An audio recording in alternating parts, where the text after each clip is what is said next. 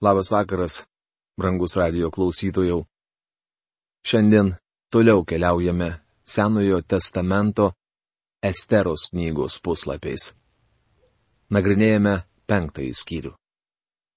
Tema - Malonės skeptras. Taigi trečią dieną Estera, apsivilkusi karališkų apdarų, atsistojo vidinėme kieme priešais karaliaus rūmus Karaliui sėdint sausto menėje karaliaus sostė priešais rūmų tarpdurį. Esteros knygos penktos skyriaus pirmą eilutę. Karalius sėdėjo savo sostę priešais įėjimą į rūmus. Aplink jį buvo susirinkę visi rūmų patarnautojai, apsirengę pošniausiais drabužiais. Tik įsivaizduokite, kaip tai buvo spalvinga o kur dar sosto menės uždangos, gobelenai, auksas, sidabras ir marmuras. Tuo metu, kai Estera apsivilkusi karališkų apdarų, įžengė iš užnišos ar iš už kolonos, karalius greičiausiai tvarkė kokius nors valstybės reikalus. Bičiuliai noriu pasakyti, kad Estera buvo nepaprastai graži. Kai tik jis pamatė karalienę Esterą, stovinčią kieme, ji rado malonę jo akise. Karalius ištiesė Esterai aukso skeptrą, kurį laikė rankoje. Priejusi prie jo, Estera palietė skeptro galą. Esteros knygos penktos skyriaus antra eilutė. Estera pasiruošė susitikimui su karaliumi. Pamenate, prieš tai, kai ji pirmą kartą atėjo pas karalių ir laimėjo grožio konkursą, ji neprašė nei prašmatnių drabužių, nei įmantrių papuošalų, kaip kitos mergaitės. Ji laimėjo dėl savo prigimtinio grožio ir karalius ją įsimylėjo. Tačiau esu įsitikinęs, jog šį kartą ji nemažai laiko praleido, kol išsirinko suknelę. Šioje eilutėje parašyta, jog Estera apsivilko karališkų apdarų, o tai reiškia, kad ji apsirengė gražiausiai savo drabužiais. Jie atrodė nepaprastai dailiai. Kalbant gatvės žargonu, ji nokautavo karalių. Iš ties, ji buvo neapsakomai žavinga kai Estera atsistojo vidinėme kieme priešais karaliaus rūmus ir laukė, tai buvo labai dramatiška akimirka. Karalius pažvelgė į ją. Kilo klausimas, ar jis išties savo skeptrą, ar ne. Esu tikras, jog tą akimirką ši žydų mergaitė meldėsi, nors tai ir neužrašyta. Ji turėjo suvokti savo visišką bejėgiškumą. Tuomet karalius ištiesė jai aukso skeptrą ir turbūt nusižypsojo. Ji prisertino ir palėtė skeptrą, kaip buvo įprasta tais laikais. Štai toks paveikslas. Šioje knygoje aš skiriau ypatingą dėmesį medų ir persų įstatymams ir lyginau juos su Dievo įstatymu. Dievo įstatymas skelbia siela, kuri nusideda, mirs. Bičiuliai, Dievas šio įsakymo niekada nepakeitė. Mūsų dienomis jis galioja lygiai taip pat, kaip ir anksčiau. Tai Dievo įstatymas. Jis nekeičiamas. Dievas negali jo pakeisti, nepakeisdamas savo charakterio yra dar vienas svarbus momentas. Ištiesdamas skeptrą į karalienę Esterą, karalius dovanojo jai gyvenimą. Noriu Jums pasakyti, jog šiandien Dievas laiko ištiesęs savo skeptrą žmonijai. Tiesa, jog visi nusidėjo ir stokoja Dievo garbės. Tiesa, jog esame mirę nusikaltimais ir nuodėmėmis. Tiesa, jog siela, kuri nusideda mirs, Tačiau Dievas įveikė šį siaubingą įstatymą ir tai padarė vieninteliu įmanomu būdu. Jis pats atėjo į žemę, prisijėmė mūsų nuodėmės ir sumokėjo už jas bausmę. Todėl įstatymas nebuvo panaikintas. Ir šiandien jis nėra panaikintas. Mano draugė, Dievas jūs išgelbėjo, jeigu išgelbėjo. Tik dėl to, jog kažkas kitas už jūsų nuodėmės atliko bausmę. Ant kryžiaus jis mirė vietoj jūsų ir vietoj manęs. Dėl to Dievas laiko ištiesęs malonės skeptrą ir sako kiekvienam. Tu gali ateiti pas mane, gali paliesti šį malonės skeptrą, gali gauti mano išgelbėjimą. Estera atėjo pas karalių ir jis iš karto suprato, kad ji niekada nebūtų tam ryžusis, jei nebūtų iškilęs koks netidėliotinas reikalas. Tada karalius tarė jai. Kas atsitiko, karalienė Estera? Ko tu prašai? Net jei tai būtų ir pusė mano karalystės, bus tau suteikta. Esteros knygos penktos kiriaus trečia eilutė. Karalius žino, jog Estera pas jį atėjo ne dėl kokios menkos problemėlės. Jis žino, jog karalienė atėjo ne pinigų prašyti, naujai skribelaitai pirkti, arba pakviesti karalių pietų į vietinį restoraną. Ksarksas supranta, jog kažkas karalieniai neduoda ramybės. Jis mato, kad ji visa dreba ir labai sunerimusi. Karalius nori, kad Estera jaukiai jaustusi, todėl sako, net jeigu tai būtų ir pusė mano karalystės, bus tau suteikta. Tai nebuvo tuščias pasakymas. Kad jį nusiramintų, karalius įteikia jai neužpildytą čekį ir paprašo įrašyti pageidaujamą sumą. Jeigu karaliui patinka, atsakė Estera, Prašyčiau karalių ir Hamaną ateiti šiandien į puotą, kurią esu suruošusi. Esteros knygos penktos kiriaus ketvirta eilutė. Estera neiš karto pasako, ko prašysianti. Ji paprasčiausiai pakviečia karalių pietų ir prašo jį ateiti kartu su Hamanu. Ji nori, kad Hamanas girdėtų, kai praneš karaliui, kad jis reikalavo ne tik žydų, bet ir jos mirties. Estera pasielgė labai ryštingai ir drąsiai. Ji žinojo, kad ji vienintelė te gali padėti savo tautai. Galų gale Dievas per savo apvaizdą pasodino ją į karalienės sostą. Esu tikras, jog Estera nieko met nebūtų pasakiusi, kad ji Dievo valia tapo karalienė. Iš tiesų ji net nemini Dievo vardo. Tačiau ji nuėjo pas karalių žinodama, jog tai gali kainuoti jai gyvybę. Burtai mesti. Mano draugė, mes visi vieną dieną stosime prieš karalių karalių. Kiekvienas tikintysis stos prieš jį ir gaus atlygį arba jo negaus. Šis teismas vyks priešais Kristaus teismo krasę. Vyks ir kitas teismas, kuriame bus teisiami tik neišgelbėtieji. Jis vyks prie didžiojo baltojo sosto, kur netikintieji bus teisiami pagal savo darbus. Kaip karalius ištiesė Esterai skeptrą, o ji prisertinusi jį palėtė. Taip ir Dievas šiandien laiko ištiesęs mums malonės skeptrą, ir kviečia, kad ateitume ir tikėjimu jį paliestume, priimdami tai, ką jis duoda. Dievas maloningas ne dėl mūsų grožio. Mano veidrodis liudyja, jog nesu gražus. Ir savo vidumi mes taip pat esame baisus. Nuodėmė išeina iš žmogaus širdies. Dievas laiko ištiesęs malonės skeptrą visiems, kurie priims jo sūnų, viešpati Jėzų Kristų. Karalius įsakė, skubiai atveskite Hamaną, kad įvykdytume, ko Estera nori.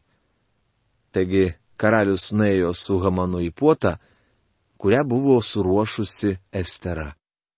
Esteros knygos penktos kiriaus penkta eilutė. Iš šios eilutės galite nuspėti, ką jaučia karalius. Jis pasakė, pasakykite Hamanui, kad Estera pakvietė mus į puotą ir kad jis privalo ateiti paklusdamas Esterai.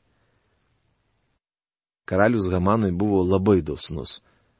Jis paaukštino jį į ministro pirmininko postą. Jis davė Hamanui savo žiedą ir leido jam išsiuntinėti prašymą, kuriame liepiama išžudyti žydus. Tačiau, kai jis palyginamas su karalienė Estera, Hamanas turi jai paklusti nes ji karalienė. Kserksas ją labai palankiai vertina. Karalius ir Hamanas atėjo į Esteros paruoštą puotą. Geriant vyną puotos metu, karalius klausė Esterą. Ko tu nori? Tai bus tau suteikta. Ko prašai? Nors tai ir pusė karalystės būtų, bus įvykdyta. Esteros knygos penktos kiriaus šešta eilutė. Akivaizdu, jog puotos metu Estera jaudinas ir karalius mato, jog kažkas neduoda jai ramybės. Jis teiraujasi Esteros, ko ji nori, ir pasiūlo jai net pusę savo karalystės. Kaip jau matėme, šį idioma reiškia, kad Estera gali turėti, ko tik panorėsianti karalius mato, kad ji vis dar nerimauja ir įteikia jai neužpildytą čekį. Čia slypi pamoka. Per viešpati Jėzų Kristų Dievas davė mums neužpildytą čekį. Todėl laiške filipiečiams ketvirtos skyriaus devynioliktoje eilutėje Paulius galėjo pasakyti, O mano Dievas iš savo turtų gausos Kristuje Jėzuje šlovingai patenkins visas jūsų reikmes. Dievas davė mums neužpildytą čekį, tačiau suma jame dar neįrašyta. Kaip nuostabu turėti tokį karalių. Tačiau jis daugiau negu karalius. Jis mūsų gelbėtojas. Jis pasaulio gelbėtojas. Jis laiko ištiesęs malonės skeptrą neišgelbėtam pasauliui. Kodėl šis žiaurus karalius toks maloningas ir kantrus esterai? Patarlių 21 skyriaus pirmoje eilutėje parašyta. Karaliaus širdis - vandens srovė viešpaties rankoje. Jis nukreipia ją, kur tik nori. Šioje istorijoje viešpats kreipia karalių tam tikrą linkme. Štai koks mano noras ir prašymas atsakė Estera. Jei susilaukiau karaliaus malonės ir jei jam patiktų suteikti, ko noriu ir įvykdyti mano prašymą, prašyčiau karalių ateiti rytoj su Hamanu į puotą, kurią jums suruošiu. Rytoj padarysiu, kaip karalius sako. Esteros knygos penktos kiriaus septinta, aštunta eilutės. Estera vis dar nedrįsta išdėstyti savo prašymo karaliui, todėl jis sako, rytoj rengiu kitą puotą. Šiandien buvo tik švediškas stalas. Tačiau ateikite rytoj ir aš paruošiu tikrą puotą. Tuomet pasakysiu, koks mano prašymas. Galite nujausti, kokia baimė gyvena šios mergaitės širdyje. Karalius ir Hamanas neturėjo ką daugiau veikti, todėl baigė valgyti ir išėjo. Ta diena Hamanas išėjo linksmas ir labai gerai nusiteikęs. Bet pamatęs, kad jam priejus prie karaliaus vartų, Mordechajas neatsistojo ir nė nepasijudino, jis labai ant jo įsiuto. Esteros knygos penktos skyriaus devinta eilutė. Hamanas išėjo iš puotos labai laimingas, nes jis vienintelis buvo karaliaus ir karalienės svečias. Jo ego neapsakomai įsipūtė. Jis turėjo tokį didžiulį pasisekimą karalienės akise, kad kitą dieną jį vėl jį pakvietė į puotą.